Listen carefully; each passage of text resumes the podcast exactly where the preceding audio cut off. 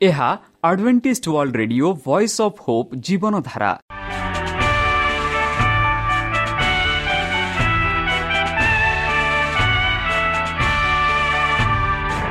Odia radio କାର୍ଯ୍ୟକ୍ରମ ଯାହା ଆମର ଆନ୍ତର୍ଜାତୀୟ ଆଘାତ କେନ୍ଦ୍ରରୁ ପ୍ରସାରଣ କରାଯାଉଛି ପ୍ରତିଦିନ ରାତି ନଅଟା ତିରିଶ ମିନିଟ୍ରେ।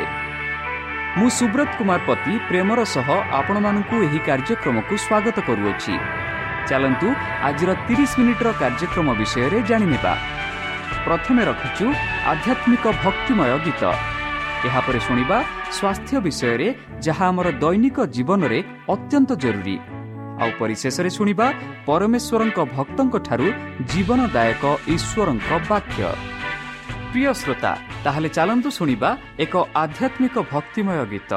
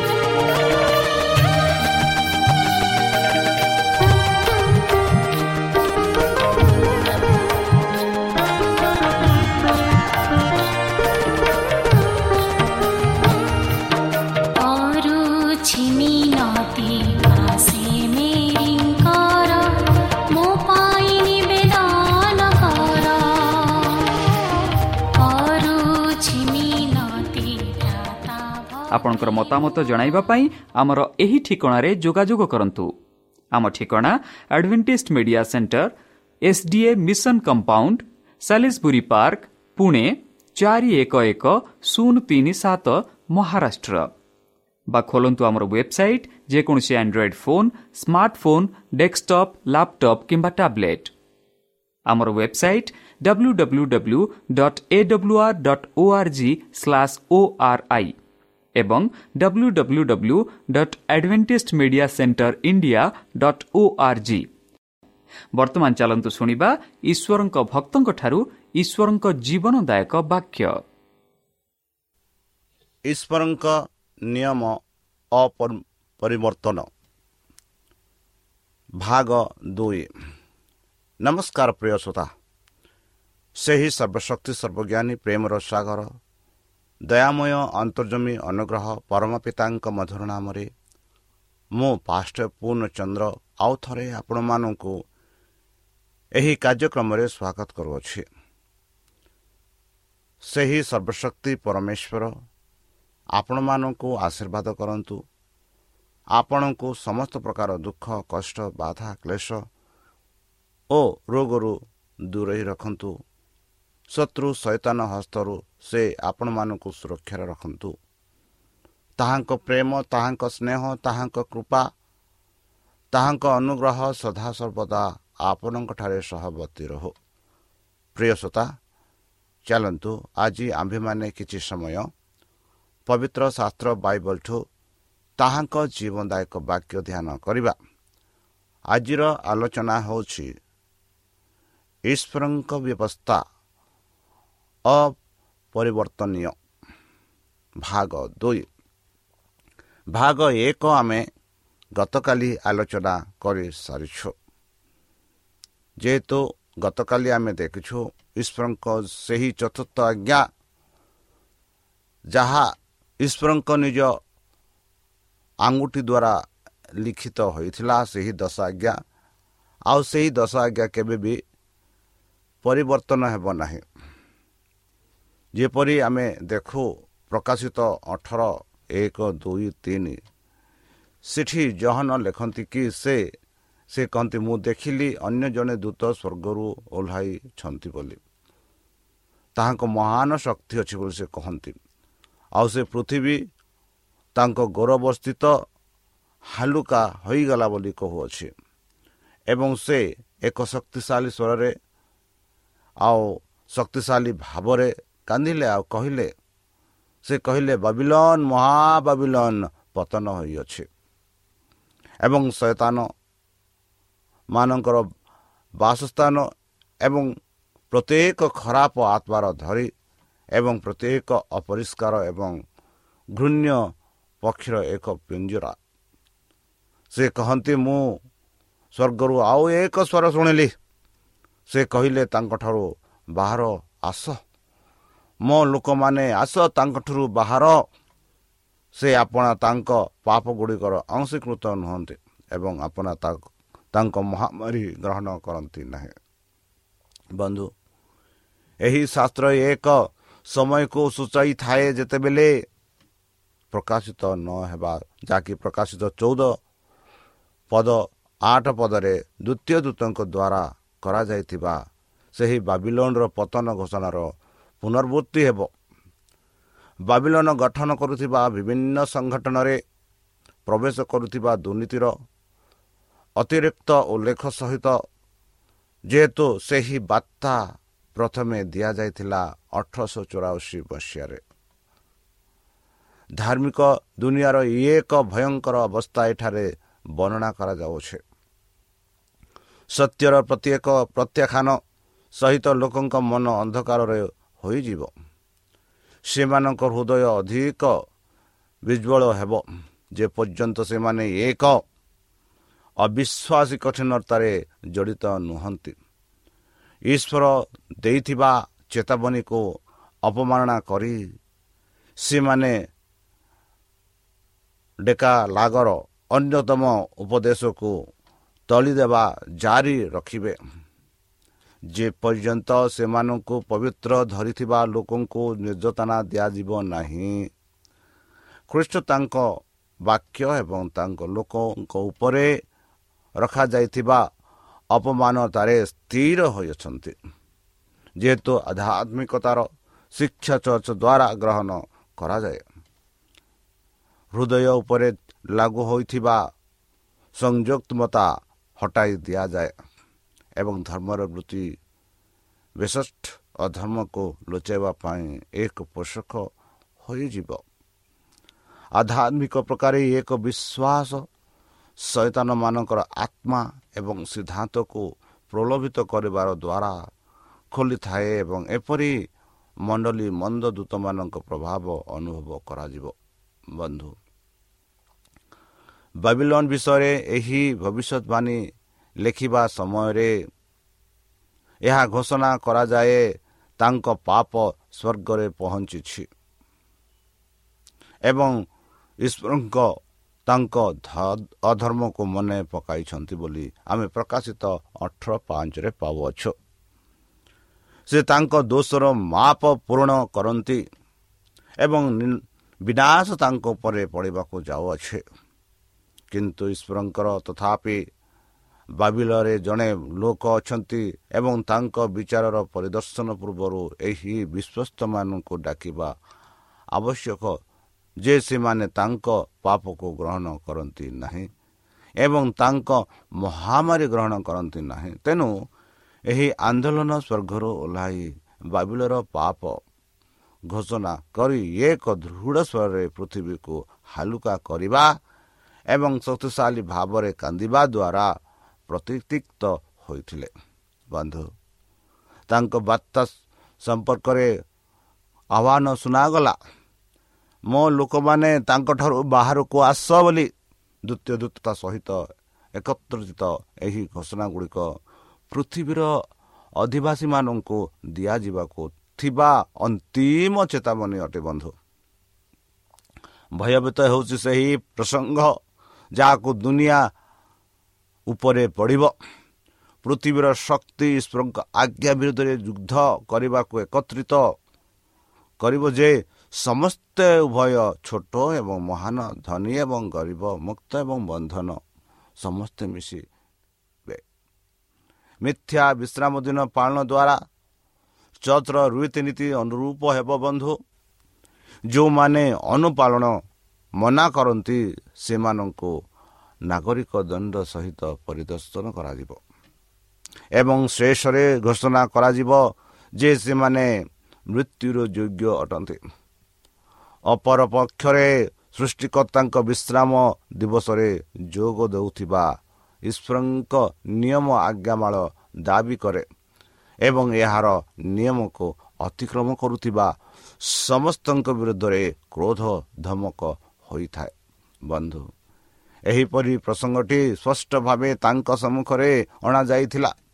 ଯିଏ ମାନବ ପ୍ରଣୟନ ପାଳନ କରିବାକୁ ଈଶ୍ୱରଙ୍କ ନିୟମକୁ ବଳିଦେବ। ପଶୁର ଚିହ୍ନ ଗ୍ରହଣ କରେ। ସେ ଈଶ୍ୱରଙ୍କ ପରିବର୍ତ୍ତେ ମାନିବାକୁ ବାଛିଥିବା ଶକ୍ତି ପ୍ରତି ଅନୁଗତ୍ୟର ସଂକେତ ଗ୍ରହଣ କରନ୍ତି। ସ୍ୱର୍ଗରୁ ଚେତାବନୀ ହେଉଛି ଯଦି କୌଣସି ବ୍ୟକ୍ତି ପଶୁ ଏବଂ ତାଙ୍କ ଭାବମୂର୍ତ୍ତିକୁ ପୂଜା କରନ୍ତି ଏବଂ ତାଙ୍କ କପାଳରେ କିମ୍ବା ହାତରେ ନିଜର ଚିହ୍ନ ଗ୍ରହଣ କରନ୍ତି ତେବେ ସେ ସମାନ ଈଶ୍ୱରଙ୍କ କ୍ରୋଧ ମଦ ପିଇବେ ବୋଲି ଯାହା ତାଙ୍କ କ୍ରୋଧର କପ୍ ମିଶ୍ରଣ ବିନା ଢାଲି ଦିଆଯାଏ ଏହିପରି ଆମେ ପ୍ରକାଶିତ ଚଉଦ ନଅ ଦଶରେ ଯାହା ନ ଲେଖନ୍ତି ବନ୍ଧୁ। କିନ୍ତୁ ସତ୍ୟକୁ ତାଙ୍କ ମନ ଏବଂ ବିବେକକୁ ଘରକୁ ନ ଆଣିବା ପର୍ଯ୍ୟନ୍ତ ଈଶ୍ୱରଙ୍କ କ୍ରୋଧ ଭୋଗ କରିବାକୁ କେହି ତିଆରି ହୋଇନାହାନ୍ତି ଏବଂ ପ୍ରତ୍ୟାଖ୍ୟାନ ହୋଇନାହାନ୍ତି। ଅନେକ ଅଛନ୍ତି ଯେଉଁମାନେ ଏହି ସମୟ ପାଇଁ ବିଶେଷ ସତ୍ୟ ଶୁଣିବାର ସୁଯୋଗ ପାଇନାହାନ୍ତି। ଚତୁର୍ଥ ଆଜ୍ଞାର ବାଧ୍ୟତାମୂଳକ ତାର ପ୍ରକୃତ ଆଲୋକରେ ସେମାନଙ୍କ ସମ୍ମୁଖରେ କେବେ ସ୍ଥିର ହୋଇନାହିଁ। ଯିଏ ଯିଏ ପ୍ରତ୍ୟେକ ହୃଦୟ ପଢ଼ନ୍ତି ଏବଂ ପ୍ରତ୍ୟେକ ଉଦ୍ଦେଶ୍ୟ ଚେଷ୍ଟା କରନ୍ତି ଯିଏ ସତ୍ୟ ବିଷୟରେ ଜ୍ଞାନ ଚାହାନ୍ତି ବିବାଦର ପ୍ରସଙ୍ଗ ବିଷୟରେ ପ୍ରତାରିତ ହେବେ ନାହିଁ। ଏହି ଆଦେଶକୁ ଅନ୍ଧ ଭାବରେ ଲୋକଙ୍କ ଉପରେ ଅନୁରୋଧ କରାଯିବା ଉଚିତ ନୁହେଁ। ବୁଦ୍ଧିମାନ ଭାବରେ ତାଙ୍କ ନିଷ୍ପତ୍ତି ନେବା ପାଇଁ ସମସ୍ତଙ୍କ ଫାକରେ ପର୍ଯ୍ୟାପ୍ତ ଆଲୋକ ରହିବା ଉଚିତ। ବନ୍ଧୁ ବିଶ୍ରାମ ଦିନର ବିଶ୍ୱସ୍ତାର ମହାନ ପରୀକ୍ଷା ହେବ କାରଣ ଏହା ସତ୍ୟର ବିନ୍ଦୁ ବିଶେଷ ଭାବରେ ବିପରୀତ। ଯେତେବେଳେ ପୁରୁଷମାନେ ବା ପ୍ରଜାମାନେ ଲୋକମାନ ଉପରେ ଅନ୍ତିମ ପରୀକ୍ଷା ଅଣାଯିବ ବନ୍ଧୁ। ତେବେ ଯେଉଁମାନେ ଈଶ୍ୱରଙ୍କ ସେବା କରନ୍ତି ଏବଂ ଯେଉଁମାନେ ତାଙ୍କୁ ସେବା କରନ୍ତି ସେମାନଙ୍କ ମଧ୍ୟରେ ପାର୍ଥକ୍ୟ ରେଖା ଅଙ୍କନ କରାଯିବ। ଚତୁର୍ଥ ଆଜ୍ଞାର ବିପରୀତ ରାଜ୍ୟର ଆଇନ ପାଳନ କରିବା ଏକ ଶକ୍ତି ପ୍ରତି ଅନୁଗତ୍ୟର ଏକ ଶପଥ ହେବ ଯାହା ଈଶ୍ୱରଙ୍କ ବିରୁଦ୍ଧରେ। ପ୍ରକୃତ ବିଶ୍ରାମ ଦିନର ରକ୍ଷଣାବେକ୍ଷଣ ଈଶ୍ୱରଙ୍କ ଆଇନର ଆଜ୍ଞା ପାଳନରେ ସୃଷ୍ଟିକର୍ତ୍ତାଙ୍କ ପ୍ରତି ଅନୁଗତ୍ୟର ପ୍ରମାଣ। ଗୋଟିଏ ଶ୍ରେଣୀ ପୃଥିବୀ ଶକ୍ତିରେ ଦାଖଲ କରିବାର ସଙ୍କେତ ଗ୍ରହଣ କରି ପଶୁର ଚିହ୍ନ ଗ୍ରହଣ କରୁଥିବା ବେଳେ ଅନ୍ୟଟି ଦିବ୍ୟ ଈଶ୍ୱରୀୟ କର୍ତ୍ତୃପକ୍ଷଙ୍କ ପ୍ରତି ଅନୁଗତ୍ୟର ଟୋକନ ବାଛି ଈଶ୍ୱରଙ୍କ ମୋହନ ମୋହର ଗ୍ରହଣ କରେ। ବନ୍ଧୁ ଯେଉଁମାନେ ତୃତୀୟ ଦୂତଙ୍କ ବାର୍ତ୍ତାର ସତ୍ୟତା ଉପସ୍ଥାପନା କରିଥିଲେ ସେମାନଙ୍କୁ ପ୍ରାୟତ୍ପ କେବଳ ଭାବରେ ବିବେଚନା କରାଯାଏ। ଯେପରିକି ଆମେରିକାରେ ଧାର୍ମିକ ଅଶୃଷିତା ନିୟନ୍ତ୍ରଣ ହାସଲ କରିବ ବୋଲି ସେମାନଙ୍କ ଭବିଷ୍ୟତବାଣୀ ଯେଉଁମାନେ ଈଶ୍ୱରଙ୍କ ଆଜ୍ଞା ପାଳନ କରନ୍ତି ସେମାନଙ୍କୁ ନିର୍ଯାତନା ଦେବା ପାଇଁ ଚର୍ଚ୍ଚ ଏବଂ ରାଜ୍ୟ ଏକଜୁଟ ହେବେ। ସେମାନଙ୍କୁ ଭୂମିହୀନ ଏବଂ ଅସ୍ପଷ୍ଟ ଘୋଷଣା କରାଯିବ। ଏହା ଆତ୍ମବିଶ୍ୱାସର ସହିତ ଘୋଷଣା କରାଯାଇଛି ଯେ ଏହି ଜବି କଦାପି ଧାର୍ମିକ ସ୍ୱାଧୀନତାର ରକ୍ଷାକାରୀ ବ୍ୟତୀତ ଅନ୍ୟ ହୋଇପାରିବ ନାହିଁ। କିନ୍ତୁ ଯେହେତୁ ରବିବାର ପାଳନ ଲାଗୁ କରିବାର ପ୍ରଶ୍ନ ବ୍ୟାପକ ଭାବରେ ଉତ୍ତେଜିତ ହୋଇଛି ଏହି କାର୍ଯ୍ୟକ୍ରମ ଏତେ ଦିନ ଧରି ସନ୍ଦେହ ଏବଂ ଅବିଶ୍ୱାସ ଦେଖାଯାଉଛି ଏବଂ ତୃତୀୟ ବାର୍ତ୍ତା ଏକ ପ୍ରଭାବ ସୃଷ୍ଟି କରିବ। ବନ୍ଧୁ ପ୍ରତ୍ୟେକ ପିଢ଼ିର ଈଶ୍ୱରଙ୍କ ତାଙ୍କ ସେବକମାନଙ୍କୁ ଉଭୟ ଦୁନିଆ ଏବଂ ଛତ୍ରେ ପାପକୁ ଭର୍ଜନା କରିବାକୁ ପଠାଇଛନ୍ତି। କିନ୍ତୁ ଲୋକମାନେ ସେମାନଙ୍କ ସହିତ କଥାବାର୍ତ୍ତା କରୁଥିବା ସୁଗମ ଜିନିଷ ଚାହୁଁଛନ୍ତି ଏବଂ ଶୁଦ୍ଧ ଅବାନିଶ ସତ୍ୟ ଗ୍ରହଣୀୟ ନୁହେଁ। ଅନେକ ସଂସ୍କାରକ ସେମାନଙ୍କ କାର୍ଯ୍ୟରେ ପ୍ରବେଶ କରିବାରେ ଚର୍ଚ୍ଚ ଏବଂ ଦେଶର ପାପ ଉପରେ ଆକ୍ରମଣ କରିବାରେ ବହୁତ ବିପକ୍ଷଗଣତା ଅବମଲମ୍ବ କରିବାକୁ ସ୍ଥିର କରିଥିଲେ। ସେମାନେ ଆଶା କରିଥିଲେ ଯେ ଏକ ଶୁଦ୍ଧ ଖ୍ରୀଷ୍ଟିଆନ ଜୀବନର ଉଦାହରଣ ଦ୍ୱାରା ଲୋକଙ୍କୁ ବାଇବଲର ସିଦ୍ଧାନ୍ତକୁ ଫେରାଇ ଆଣିବା। କିନ୍ତୁ ଈଶ୍ୱରଙ୍କ ଆତ୍ମା ସେମାନଙ୍କ ଉପରେ ଆସିଲା ଯେହେତୁ ଏହା ଉପରେ ଆସିଥିଲା ତାଙ୍କୁ ଏକ ଦୁଷ୍ଟ ରାଜା ଏବଂ ଧାର୍ମୀ ତ୍ୟାଗୀ ଲୋକଙ୍କ ପାପକୁ ଭର୍ଜନା କରିବାକୁ ଘୁଞ୍ଚାଇଲା। ସେମାନେ ବାଇବଲର ସାଧା ଉଚ୍ଚାରଣ ପ୍ରଚାର କରିବାକୁ ନିବୃତ୍ତ ରହିପାରିଲେ ନାହିଁ। ସିଦ୍ଧାନ୍ତ ଯାହା ସେମାନେ ଉପସ୍ଥାପନା କରିବାକୁ ଅନିତା ପ୍ରକାଶ କରନ୍ତି ଆତ୍ମାମାନଙ୍କୁ ବିପଦରେ ପକାଇ ବୋଲି ସେମାନେ ଉତ୍ସାହର ସହିତ ସତ୍ୟ ଏବଂ ବିପଦ ଘୋଷଣା କରିବାକୁ ପ୍ରତାରିତ ହୋଇଥିଲେ। ବନ୍ଧୁ ପ୍ରଭୁ ସେମାନଙ୍କୁ ଯେଉଁ ବାକ୍ୟ ଦେଇଥିଲେ ସେମାନେ ଉଚ୍ଚାରଣ କରିଥିଲେ। ପରିମାଣର ନିର୍ଭକ୍ତ ଏବଂ ଲୋକମାନେ ଚେତାବନୀ ଶୁଣିବାକୁ ବାଧ୍ୟ ହୋଇଥିଲେ। ବନ୍ଧୁ ଏହିପରି ତୃତୀୟ ଦୂତଙ୍କ ବାର୍ତ୍ତା ଘୋଷଣା କରାଯିବ। ଯେହେତୁ ଏହାକୁ ସର୍ବଶ୍ରେଷ୍ଠ ଶକ୍ତି ସହିତ ଦିଆଯାଇଥିବାର ସମୟ ଆସିଅଛି। ପ୍ରଭୁ ନମ୍ର ଉପକରଣ ମାଧ୍ୟମର କାର୍ଯ୍ୟ କରିବେ। ଯେଉଁମାନେ ଜିନିଷକୁ ତାଙ୍କ ସେବାରେ ବିକୃତ କରନ୍ତି ସେମାନଙ୍କ ମନକୁ ଆଗେଇ ନେବେ। ବନ୍ଧୁ ଶ୍ରମିକମାନେ ସାହିତ୍ୟ ଅନୁଷ୍ଠାନର ତାଲିମ ଅପେକ୍ଷା ତାଙ୍କ ଆତ୍ମାର ଅବିରତା ଦ୍ୱାରା ଯୋଗ୍ୟ ହେବେ। ବିଶ୍ୱାସ ଏବଂ ପ୍ରାର୍ଥନାର ପୁରୁଷମାନେ ପବିତ୍ର ଉତ୍ସାହର ସହିତ ଆଗକୁ ବଢ଼ିବାକୁ ବାଧ୍ୟ ହେବେ। ଈଶ୍ୱର ସେମାନଙ୍କୁ ଦେଇଥିବା ବାକ୍ୟ ଘୋଷଣା କରିବେ। ବାଇବିଲର ପାପ ଖୋଲା ରହିବ। ନାଗରିକ କର୍ତ୍ତୃପକ୍ଷଙ୍କ ଦ୍ୱାରା ଚର୍ଚ୍ଚର ପାଳନ ଆଧ୍ୟାତ୍ମିକତାର ପ୍ରବେଶ ପାପଲର ଶକ୍ତି ଗୁପ୍ତ କିନ୍ତୁ ଦୃଢ଼ ପ୍ରତୀତ ସମସ୍ତଙ୍କୁ କାର୍ଯ୍ୟକାରୀ କରିବାର ଭୟଭୀତ ଫଳାଫଳ ଉଜ୍ଜନିତ ହେବ। ଏହି ଗମ୍ଭୀର ଚେତାବନୀ ଦ୍ୱାରା ଲୋକମାନେ ଆନନ୍ଦିତ ହେବେ। ହଜାର ହଜାର ଲୋକଙ୍କ ଉପରେ ଶୁଣିବେ ଯେଉଁମାନେ ଏହିପରି ବାକ୍ୟ କେବେ ଶୁଣିନାହାନ୍ତି। ଆଶ୍ଚର୍ଯ୍ୟ ହୋଇ ସେମାନେ ସାକ୍ଷ୍ୟ ଶୁଣନ୍ତି ଯେ ବାବିଲନ୍ ହେଉଛି ଚର୍ଚ୍ଚ ତାଙ୍କ ତ୍ରୁଟି ଏବଂ ପାପ ହେତୁ ପଡ଼ିଛି। କାରଣ ସେ ସ୍ୱର୍ଗରୁ ତାଙ୍କ ପଠାଯାଇଥିଲା ସତ୍ୟକୁ ପ୍ରତ୍ୟାଖ୍ୟାନ କରିଥିଲେ। ଯେହେତୁ ଲୋକମାନେ ଉତ୍ସକୁ ଅନୁସନ୍ଧାନ ସହିତ ସେମାନଙ୍କ ପୂର୍ବ ପୂର୍ବତନ ଶିକ୍ଷକଙ୍କ ନିକଟକୁ ଯାଆନ୍ତି। ଏହି ଜିନିଷ ଗୁଡ଼ିକ ଏପରିକି କାର୍ଯ୍ୟମାନେ ସେମାନଙ୍କ ଭୟକୁ ଶାନ୍ତ କରିବା ଏବଂ ଜାଗ୍ରତ ବିବେକକୁ ଶାନ୍ତ କରିବା ପାଇଁ କାହାଣୀ ଉପସ୍ଥାପନା କରନ୍ତି।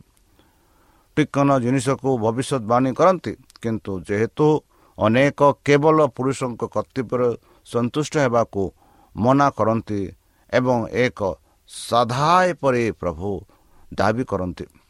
ଲୋକପ୍ରିୟ କାର୍ଯ୍ୟାଳୟ ପୁରୁଣା ପାରିଶ ପରି କ୍ରୋଧରେ ପରିପୂର୍ଣ୍ଣ ଯେହେତୁ ସେମାନଙ୍କର କର୍ତ୍ତୃତ୍ୱ ଉପରେ ପ୍ରଶ୍ନ କରାଯାଇଛି। ଶୟତାନଙ୍କ ପରି ବାର୍ତ୍ତାକୁ ନିନ୍ଦା କରିବ ଏବଂ ଏହାକୁ ଘୋଷଣା କରୁଥିବା ଲୋକଙ୍କୁ ଗାଲି ଦେବା ଏବଂ ନିର୍ଯାତନା ଦେବା ପାଇଁ ପାପ ପ୍ରେମୀ ଜନତାକୁ ଉତ୍ତେଜିତ କରିବ। ବନ୍ଧୁ ଯେହେତୁ ଏହି ବିବାଦ ନୂତନ କ୍ଷେତ୍ରରେ ବିସ୍ତାରିତ ହୋଇଅଛି ଏବଂ ଲୋକଙ୍କ ମନକୁ ଈଶ୍ୱରଙ୍କ ଦଳିତ ଆଇନକୁ ଡକାଯାଏ। ଶୟତାନ ଆନ୍ଦୋଳନ ସୃଷ୍ଟି କରନ୍ତି।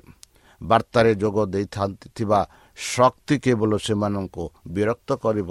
ଯେଉଁମାନେ ଏହାକୁ ବିରୋଧ କରନ୍ତି ପାଦ୍ରୀମାନେ ବା ପାଷ୍ଟମାନେ ଆଲୋକକୁ ବନ୍ଦ କରିବା ପାଇଁ ପ୍ରାୟ ଅଧ୍ୟାତ୍ମିକ ପ୍ରୟାସ କରିବେ ଯେପରି ଏହା ସେମାନଙ୍କ ଫଳ ଉପରେ ଉଜ୍ଜଳ ହେବା ଉଚିତ। ପ୍ରତ୍ୟେକ ଉପାୟରେ ସେମାନେ ନିର୍ଦ୍ଦେଶରେ ସେମାନେ ଏହି ଗୁରୁତ୍ୱପୂର୍ଣ୍ଣ ପ୍ରଶ୍ନ ଗୁଡ଼ିକର ଆଲୋଚନାକୁ ଦମନ କରିବାକୁ ଚେଷ୍ଟା କରିବେ। ଚର୍ଚ୍ଚ ନାଗରିକ ଶକ୍ତିର ଶକ୍ତିଶାଳୀ ବାହୁକୁ ଆକର୍ଷିତ କରେ ଏବଂ ଏହି କାର୍ଯ୍ୟରେ ପାପିଷ୍ଠ ଏବଂ ପ୍ରୋଟେଷ୍ଟାଣ୍ଟ ମାନେ ବାପ୍ଟିଷ୍ଟ ଏବଂ ପ୍ରୋଟେଷ୍ଟାଣ୍ଟ ମାନେ ଏକଜୁଟ ହୁଅନ୍ତି। ଯେହେତୁ ରବିବାର ପ୍ରବର୍ତ୍ତନ ପାଇଁ ଆନ୍ଦୋଳନ ଅଧିକ ସାହସିକ ଏବଂ ନିଷ୍ପତ୍ତି ନିଆଯିବ। ଆଜ୍ଞା ରକ୍ଷକଙ୍କ ବିରୁଦ୍ଧରେ ଆୟନ ଆହ୍ୱାନ କରାଯିବ। ସେମାନଙ୍କୁ ଜରିମାନ ଏବଂ କାରଦଣ୍ଡକର ଧମକ ଦିଆଯିବ ଏବଂ କେତେକକୁ ପ୍ରଭାବର ପଦବୀ ପ୍ରଦାନ କରାଯିବ ଏବଂ ଅନ୍ୟ ପୁରସ୍କାର ଏବଂ ସୁବିଧା ପ୍ରଦାନ କରାଯିବ ଯେହେତୁ ସେମାନଙ୍କୁ ବିଶ୍ୱାସ ତ୍ୟାଗ କରିବାକୁ ପ୍ରଲୋଭନ କରାଯିବ। କିନ୍ତୁ ସେମାନଙ୍କ ସ୍ଥିର ଉତ୍ତର ହେଉଛି ଈଶ୍ୱରଙ୍କ ଶବ୍ଦର ଈଶ୍ୱରଙ୍କ ବାକ୍ୟ ଆମକୁ ଆମର ତ୍ରୁଟି ଦେଖନ୍ତୁ ବୋଲି। ସମାନ ପରିସ୍ଥିତିରେ ଲୁଥରଙ୍କ ଦ୍ୱାରା ସମାନ ବିବେଦନ କରାଯାଇଥିଲା ସେହିପରି ଯେଉଁମାନେ ଅଦାଲତରେ ହାଜର ହୁଅନ୍ତି ସେମାନେ ସତ୍ୟର ଏକ ଦୃଢ଼ ପ୍ରମାଣ କରନ୍ତି ଏବଂ ଯେଉଁମାନେ ସେମାନଙ୍କୁ ଶୁଣନ୍ତି ସେମାନଙ୍କୁ ଈଶ୍ୱରଙ୍କ ସମସ୍ତଙ୍କ ଆଜ୍ଞା ପାଳନ କରିବାକୁ ସେମାନଙ୍କ ଆଭିମୁଖ୍ୟ ଗ୍ରହଣ କରିବାକୁ ଆଗେଇ ନିଆଯାଏ। ଏହିପରି ହଜାର ହଜାର ଲୋକଙ୍କ ସମ୍ମୁଖରେ ଆଲୋକ ଅଣାଯିବ ଯେଉଁମାନେ ଅନ୍ୟଥା ଏହି ସତ୍ୟ ଗୁଡ଼ିକ ବିଷୟରେ କିଛି ଜାଣିନଥିବେ ବନ୍ଧୁ ଈଶ୍ୱରଙ୍କ ବାକ୍ୟ ପ୍ରତି କର୍ତ୍ତବ୍ୟନିଷ୍ଠ ଆଜ୍ଞା ପାଳନକୁ ବିଦ୍ରୋହର ଭାବରେ ବିବେଚନା କରାଯିବ। ସଚେତନ ଦ୍ୱାରା ଅନ୍ଧ ହୋଇ ପିତାମାତା ବିଶ୍ୱାସ ଶିଶୁ ପ୍ରତି କଠୋରତା ଏବଂ ଗମ୍ଭୀରତା ଅବଲମ୍ବନ କରିବେ। ଗୁରୁ କିମ୍ବା ମାଲିକାଣୀ ଆଜ୍ଞା ପାଳନ କରୁଥିବା ସେବକଙ୍କ ଉପରେ ଅତ୍ୟାଚାର କରିବେ। ସ୍ନେହ ବିଚ୍ଛିନ୍ନ ହେବ। ପିଲାମାନଙ୍କୁ ଉତ୍ତରିକାରୀ ଏବଂ ଘରୁ ଗୋଡ଼ାଇ ଦିଆଯିବ। ପାଲଙ୍କ ବାକ୍ୟ ଆକାରିତ ଭାବରେ ପୂରଣ ହେବ ବନ୍ଧୁ। ଖ୍ରୀଷ୍ଟ ଯୀଶୁଙ୍କଠାରେ ଯାହା ଈଶ୍ୱରଙ୍କ ସହିତ ବଞ୍ଚିବ ତାହା ନିର୍ଯାତନାର ଭୋଗିବ ବୋଲି ଦ୍ୱିତୀୟ ତିମତି ତିନି ବାରରେ ଆମେ ପାଉଛୁ ଯେହେତୁ ସତ୍ୟର ରକ୍ଷକାରୀମାନେ ରବିବାର ବିଶ୍ରାମ ଦିନକୁ ସମ୍ମାନ ଦେବାକୁ ମନା କରନ୍ତି ସେମାନଙ୍କ ମଧ୍ୟରୁ କେତେକଙ୍କୁ ଜେଲରୁ ରଖନ୍ତି କେତେକଙ୍କୁ ନିର୍ବାସିତ କରାଯିବ। ଯେ କେତେକଙ୍କୁ ଦାସ ଭାବରେ ବ୍ୟବହାର କରାଯିବ। ମାନବ ଜ୍ଞାନ ଏବଂ ସବୁ ଏସବୁ ବର୍ତ୍ତମାନ ଅସମ୍ଭବ ମନେ ହୁଏ କିନ୍ତୁ ଯେହେତୁ ଈଶ୍ୱରଙ୍କ ନିୟନ୍ତ୍ରିତ ଆତ୍ମା ପୁରୁଷମାନଙ୍କ ଠାରୁ ପ୍ରତ୍ୟାହାର କରାଯିବ। ଏହିପରି ସମୟ ଆସୁଛି ବନ୍ଧୁ କି ବିଶ୍ରାମ ଦିନରେ ଯେତେ ଲୋକ ତାହାଙ୍କ ଉପାସନା କରୁଛନ୍ତି ସେମାନଙ୍କୁ ଅତ୍ୟାଚାର କରାଯିବ। ତାହେଲେ ପ୍ରିୟସତା ଚାଲନ୍ତୁ ନିଜକୁ ପ୍ରସ୍ତୁତ କରିବା। ଯଦି ଆମେ ସେହି ବିଶ୍ରାମ ଦିନକୁ ସେହି ପ୍ରଭୁଙ୍କ ଦ୍ୱାରା ସ୍ଥାପିତ ହୋଇଛି ବୋଲି ବିଶ୍ୱାସ କରୁଛୁ ସେହି ଦଶ ଆଜ୍ଞା ପରମେଶ୍ୱରଙ୍କ ଦ୍ୱାରା ଦିଆଯାଇଛି ବୋଲି ବିଶ୍ୱାସ କରୁଛୁ। ନିଶ୍ଚିତ ଭାବରେ ଯଦି ଆମେ ବିଶ୍ୱାସ କରୁଛୁ ଆମେ ନିଶ୍ଚିତ ଭାବରେ ସେହି ମିଥ୍ୟା ବିଶ୍ରାମକାରୀମାନଙ୍କ ଠାରୁ ତଳନା ପାଇବା। ତାହା ପାଇଁ ଆମେ ଈଶ୍ୱରଙ୍କ ସାହାଯ୍ୟ ନିତ୍ୟତ୍ୱ ଆବଶ୍ୟକ। ପବିତ୍ର ଆତ୍ମାର ନିଶ୍ଚିତ ଭାବରେ ତାହା ପବିତ୍ର ଆତ୍ମାର ସାହାଯ୍ୟ ଆବଶ୍ୟକ ପଡ଼ୁଛି। ତାହେଲେ ଚାଲନ୍ତୁ ନିଜକୁ ସମର୍ପଣ କରି ତାହାଙ୍କ ମଧୁର ନାମରେ ଆମେ ପ୍ରାର୍ଥନା ଉତ୍ସର୍ଗ କରିବା। ହେ ଆମ୍ଭମାନଙ୍କ ସର୍ବଶକ୍ତି ସର୍ବଜ୍ଞାନୀ ପ୍ରେମର ସାଗର ଦୟାମୟ ଅନ୍ତର୍ଜମୀ ଅନୁଗ୍ରହ ପରମ ପିତା ଧନ୍ୟବାଦ ଅର୍ପଣ କରୁଛୁ ପ୍ରଭୁ ବର୍ତ୍ତମାନ ଯେଉଁ ବାକ୍ୟ ତୁମ ସେହି ଭକ୍ତ ଶୁଣାଇଲେ ସେହି ବାକ୍ୟ ଅନୁସାରେ ଏମାନଙ୍କୁ ଚାଲିବା ପାଇଁ ବୁଦ୍ଧିରେ ଜ୍ଞାନରେ ଶକ୍ତିରେ ପରିପୂର୍ଣ୍ଣ କର। ଆମ ପାପ ସବୁ ତୁମ ସେହି ପ୍ରେମମୟ ରକ୍ତରେ ପରିଷ୍କାର କରି ଧୋଇ ଦିଅ। ଆଉ ପରିଶେଷ ଯେବେ ତୁମେ ସେହି ସହସ୍ରଦୂତଙ୍କ ସହ ଆସିବେ। ସେତେବେଳେ ଆମମାନଙ୍କୁ ଏକ ବାସସ୍ଥାନ ଦେବ ବୋଲି ତ୍ରାଣକର୍ତ୍ତା ପ୍ରଭୁ ଯୀଶୁଙ୍କ ମଧୁରମୟ ନାମରେ ଏହି ଛୋଟ ପିକା ମାନଙ୍କୁ ସମୀକରଣ କର। ପ୍ରିୟ ଶ୍ରୋତା ଆମେ ଆଶା କରୁଛୁ ଯେ ଆମର କାର୍ଯ୍ୟକ୍ରମ ଆପଣମାନଙ୍କୁ ପସନ୍ଦ ଲାଗୁଥିବ। ଆପଣଙ୍କର ମତାମତ ଜଣାଇବା ପାଇଁ ଆମର ଏହି ଠିକଣାରେ ଯୋଗାଯୋଗ କରନ୍ତୁ। ଆମ ଠିକଣା Adventist Media Centre S D A mission compound Salisbury Park Pune ଚାରି ଏକ ଏକ ଶୂନ ତିନି ସାତ ମହାରାଷ୍ଟ୍ର। ବା ଖୋଲନ୍ତୁ ଆମର ୱେବସାଇଟ୍ ଯେକୌଣସି Android phone smartphone desktop laptop କିମ୍ବା ଟ୍ୟାବ୍ଲେଟ୍ ଆମର website W W W dot A W R dot O R G slash O R I ଏବଂ W W W dot Adventist Media Centre India dot O R G Adventist Media Centre ଇଣ୍ଡିଆର spelling ହେଉଛି A D ଭିଇ N T I S T M E D I A C E N T R E I N D I A ଅଥବା download କରନ୍ତୁ ଆମର mobile app ଆପଣଙ୍କର mobile play ଷ୍ଟୋରକୁ ଯାଆନ୍ତୁ ଆଉ type କରନ୍ତୁ ଦ voice of Hope ଆଉ download କରନ୍ତୁ ଈଶ୍ୱର ଆପଣଙ୍କୁ ଆଶୀର୍ବାଦ କରନ୍ତୁ ଧନ୍ୟବାଦ